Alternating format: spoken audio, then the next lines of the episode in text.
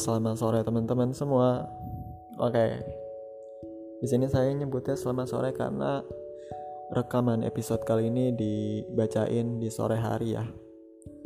Tepatnya di hari Rabu tanggal 16 Februari 2022. Bagaimana kabarnya nih sobat ngeluh?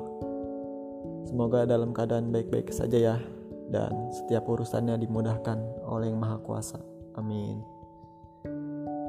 Oh ya, di Depok nih abis turun hujan, sore-sore gini abis turun hujan. Dan terciumlah aroma petrikor, yaitu aroma bekas turun hujan. Bahkan hujan masih turun tapi dengan kondisi yang lebih ringan, lebih kecil.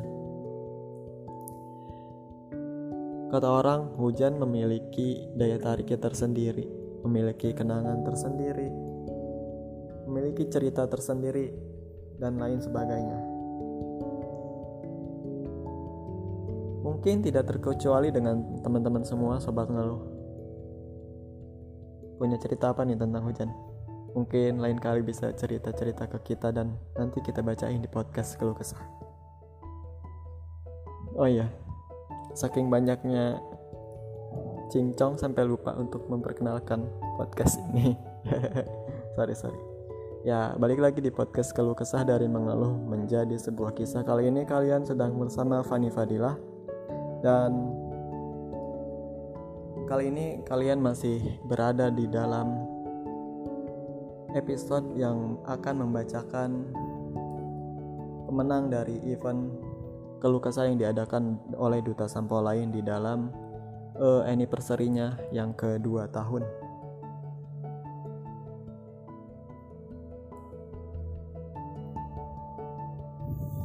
Jadi duta lain tuh sedang merayakan anniversary yang kedua tahun dan kali ini kalian akan menyimak naskah yang salah salah satu naskah yang menjadi pemenang dalam kategori best story yaitu naskahnya milik Kak Dizda Radisti Maulida Ape. Masya Allah namanya panjang dan bagus banget ini. Seperti apa sih naskahnya? Yang berhasil masuk ke kategori Best Story dan menjadi salah satu pemenangnya? Yuk, mari sama-sama kita simak. Let's go!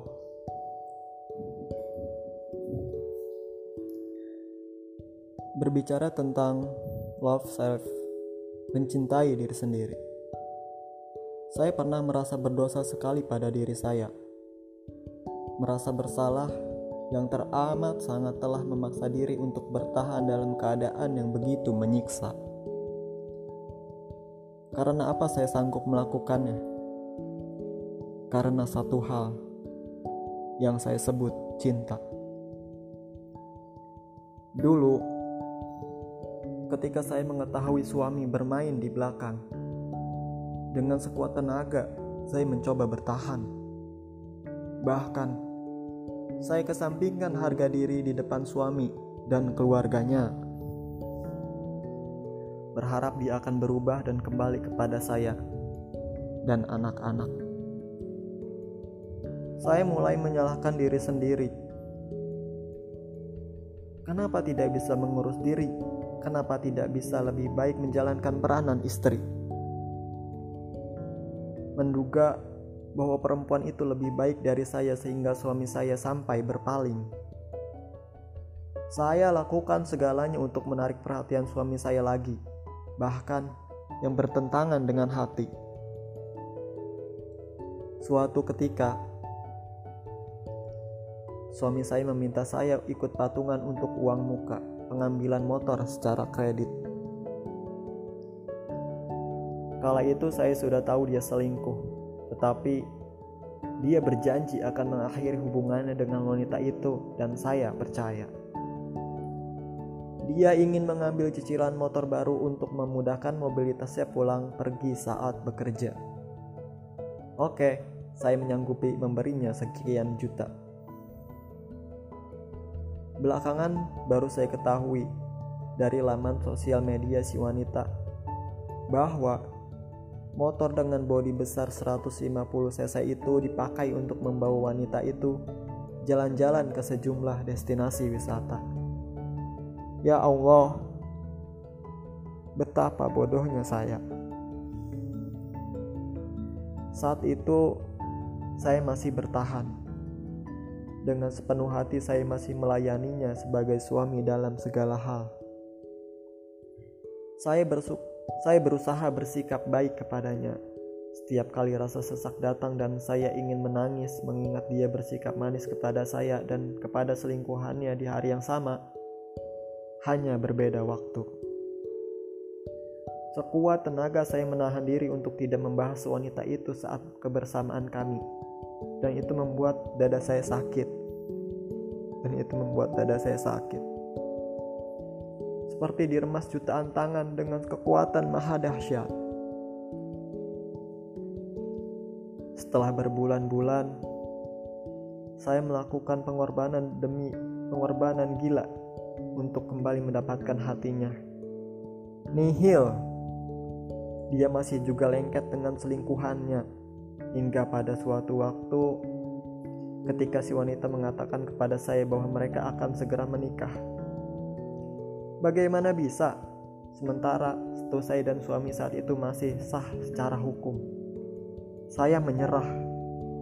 Tak peduli lagi apa pun yang akan mereka lakukan.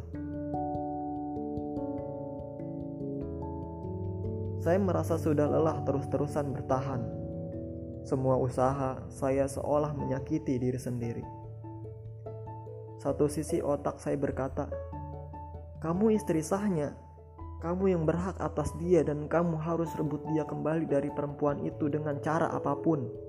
Namun, sisi otak lain berkata, "Stop, jangan lagi sakiti dirimu dengan ini semua. Sayangi dirimu, biarkan dia pergi." sampai kapan pun, dia tidak akan berubah. Qadarullah, Bapak yang biasanya tidak banyak bicara memberikan pandangannya. Lepaskan saja. Bapak tidak redo, Bapak tidak ridho melihatmu terus-terusan diperlakukan seperti ini. Tak usah kita yang membalas perbuatan buruk mereka. Yakin, yakin Tuhan kelak akan membalas perbuatan mereka. Detik itu saya bertekad. Detik itu saya bertekad memperjuangkan kebahagiaan saya dengan anak-anak. Saya sangat bersyukur memiliki orang tua yang dalam keadaan apa pun mereka mendukung saya sepenuhnya.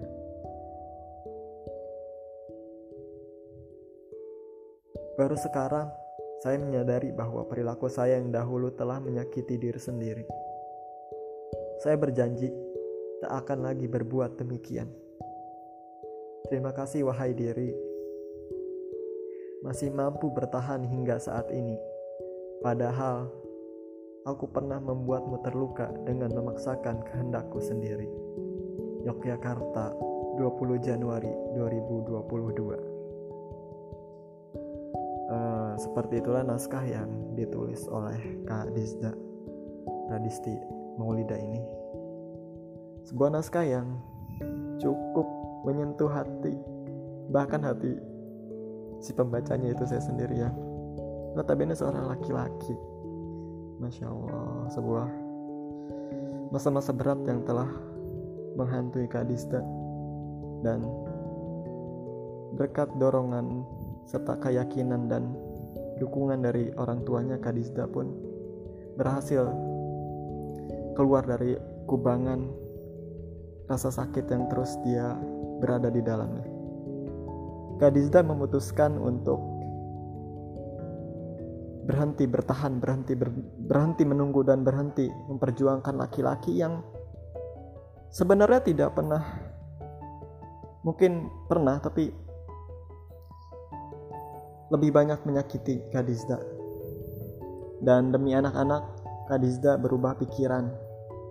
Dia bertekad kuat untuk keluar dari masa suram tersebut dan alhamdulillah berhasil.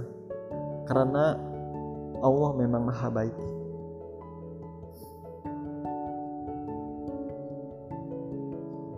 Di naskah ini Kadizda juga menambahkan pesan atau catatan kepada teman-teman semua yang akan saya baca akan saya bacakan. Pesannya adalah untuk teman-teman di luar sana demi cinta jangan sampai menjadi orang bodoh yang mau saja disakiti. Bangkit dan keluarlah dari lingkup dari kungkungan cinta yang terkadang membodohkan. Karena jika bukan kita yang mencintai diri sendiri, siapa lagi? Banyak terima kasih saya haturkan kepada penyelenggara dan para dewan juri karena telah menyelenggarakan karena telah menyelenggarakan event ini. Saya bisa curcol dan sedikit berbagi pengalaman. Semoga ada hal baik yang bisa dipetik dari kisah ini. Semoga kita semua senantiasa dalam keadaan sehat, sebaik-baik perlindungannya. Barakallahu fiikum. Amin. Selamat hari jadi yang kedua untuk grup DSL. Semoga para personilnya semakin solid. Ya, amin. Semoga grup semakin berkembang, makin banyak brandnya. Amin. Semoga makin semangat ikut serta dalam kegiatan-kegiatan yang membawa dan menebar kebaikan. Amin. Masya Allah. Terima kasih doanya Kak Dizda. Semoga doa baik kembali juga kepada kakak yang mendoakan. Oke, sekian. Seperti itulah naskah yang ditulis Kak Dizda ini naskah yang sederhana namun di dalamnya sangat pelik. Masalah rumah tangga masalah disakiti masalah dikhianati sampai akhirnya Kadista menemukan cahaya untuk keluar dari masa gelap tersebut. Saya juga mau mengucapkan terima kasih kepada Kadista yang telah bersuara yang telah berkeluh kesah tentang masalah yang berat ini. Semoga dengan keluh kesahnya ini bisa sedikit banyaknya melegakan hati Kadizda dan saya berharap pula Kadizda, orang tua serta anak-anak yang merupakan adik-adik saya, halo adik-adik, semoga kalian sehat selalu ya, jagain bundanya, jagain mamanya atau uminya. Jangan membantah ya sama Umi kalau Umi nyuruh-nyuruh. Semangat buat Kadizda dan keluarga semoga sehat-sehat selalu. Dan saya pamit, sampai jumpa di podcast keluh kesah selanjutnya. Podcast keluh kesah dari mengeluh menjadi sebuah kisah.